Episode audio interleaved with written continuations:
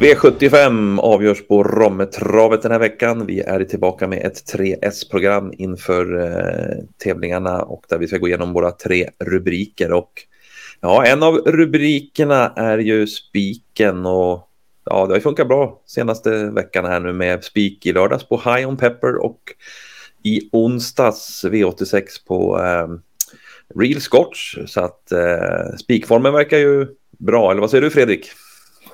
Verkligen, jag tycker alltid spikformen är bra och de två du nämner här på sistone har ju varit båda två eh, väldigt bra spikar. Eh, självklart har de varit lite betrodda också, men de har ju varit bara bäst här. Så att, eh, sådana spikar behöver man ha för att få ihop V75 och V86-systemen. Ja, det som man brukar säga, det viktigaste är att spiken vinner. precis, precis. Så är det. Och ja, vi satsar väl på att eh, jobba in en ny spik och vi tar väl och går vidare då till rubrikerna och börjar med spiken.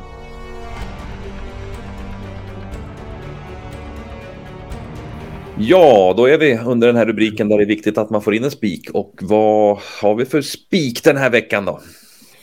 Ja, men vi har i V752 här nummer ett, eh, Sandokan, David Perssons fina fyraåring. Var trea i ett sånt här eh, Margaretas tidiga unga serie på Solvalla senast. Eh, finaldagen där, det var 300 000 i första pris. Det är ganska bra lopp det där eh, för fyraåringar. Då. Det finns även för treåringar. Man mötte bra fyraåringar då eh, och gjorde det bra. Vi har bilder på det här. Eh, och eh, ja, står fint in i klass 2 nu efter det. Möter enklare hästar, har perfekt läge. Vi tror på spets och slut för ett eh, Sandokan här i V752. Mm, ja, men det låter ju prima. Det behöver ju inte vara krångligare än så. Men det är väl en häst också som, som tål att göra en del jobb också om det skulle bli så att man nu, om det skulle bli så att det inte blir så att vi ledning, men, men eh, för han kan väl göra en del jobb också, hästen där. Ja, verkligen. Det, han står faktiskt, han är lite klassen i det här gänget och uh, man hade nog kanske kunnat rekommendera spik även från andra spår. Men uh, huvudscenariot, vi tror att han kommer till ledning och då vinner han väldigt lätt. Sen tror vi även att han vinner även om det inte skulle bli ledning och han hittar ut i andra spår. Och får göra ett grovjobb så tror vi också att det är väldigt bra chans.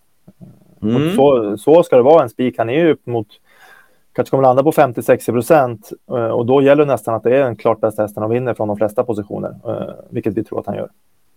Så är det. Men som sagt, huvudscenariot är att han håller ledningen och leder runt om. Och spik alltså, ett Sandokan. Då ska vi leta skräll och eh, ja, vi går på skrällen helt enkelt.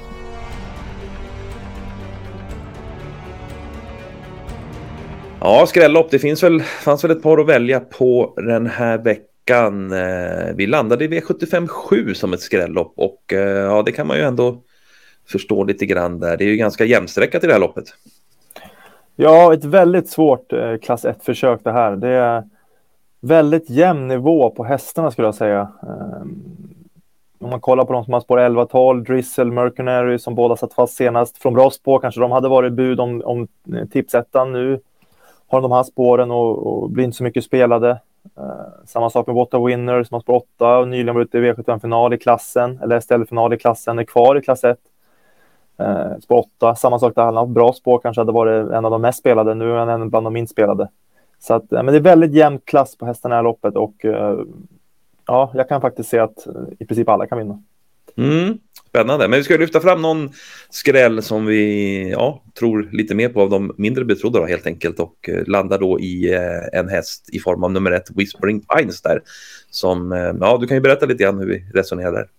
Ja, men det är kort distans och bil och alltså positioner. Man försöker läsa hur loppet ska bli kört och positioner är ju väldigt avgörande i, i dagens travsport, framförallt på den här höga nivån. Eh, och då har vi nummer ett Whispering Pines som gjorde ett bra lopp på V75 senast. Gick en stark attack i tredje spår. Eh, vi har bilder på det här när den avancerar fram i tredje spåret. Såg väldigt stark ut. Fullföljde också rejält. Stumnade lite sista biten. Men fullföljde ju verkligen eh, toppbra. Eh, nu har man istället ett bra läge här, spår 1 och kan få en resa längs sargen. Per Lennartsson har uppe, uppe, upp i vagnen också, intressant skulle han kunna få ryggledaren tredje invändigt och lucka till slut, då tror vi att eh, den där speeden som han skickade iväg där i tredje spår senast, får man spara den till upploppet, då blir han farlig.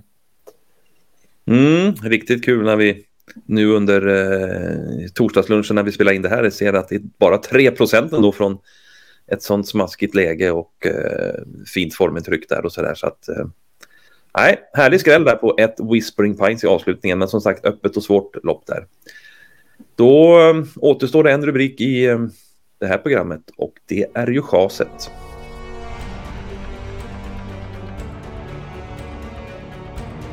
Nu så har vi ett chas på gång alltså och eh, vilken är det den här veckan som vi eh, tycker har blivit för hårt betrodd? Det är V755, eh, silverdivisionen. Det tar emot lite grann för att nummer fyra, Marie Streamboy, jag gillar den hästen. Eh, det är en riktigt bra sexåring. Eh, men eh, den här veckan så anser vi att han blir lite överspelad. Det är inget extra intryck i lördags. Jag hade nog förväntat mig mer. Jag vet att det gick snabbt till slut eh, i det loppet. Men jag hade ändå förväntat mig lite mer tryck i Marius Dreamboy in mot mål. Jag tycker avtog lite grann sista biten. Och det var en svår bana i lördags också, så att lägga ihop det intrycket och att det var en krånglig bana och nu kommer det sju dagar efteråt så tycker jag ändå att man ska vara försiktig med Marius Dreamboy faktiskt, framförallt när han är så här stor favorit. Så att eh, nej, jag, jag tycker att han är överspelad. Eller vi tycker det. Fyra Marius Dreamboy i V755. Mm, nej, men det är väl så. Då ska man ju inte man ska nog vara försiktig på att gå rakt ut på den i alla fall. Så kan man ju eh, sammanfatta det efter eh, den där insatsen i lördags också. Det är ju ett sånt där banunderlag eh, när det är lite opassande så där då. Det kan ju ställa till det lite med täta starter här då.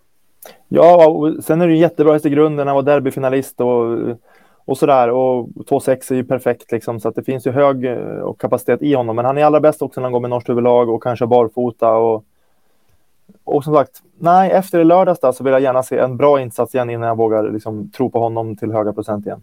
Mm, just det, framförallt när man ser procenten där. Ja.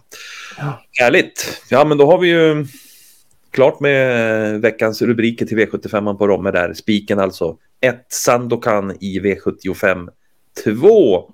Skrälloppet är V75 7 där vi lyfter fram ett Whispering Pines som skrällen i loppet.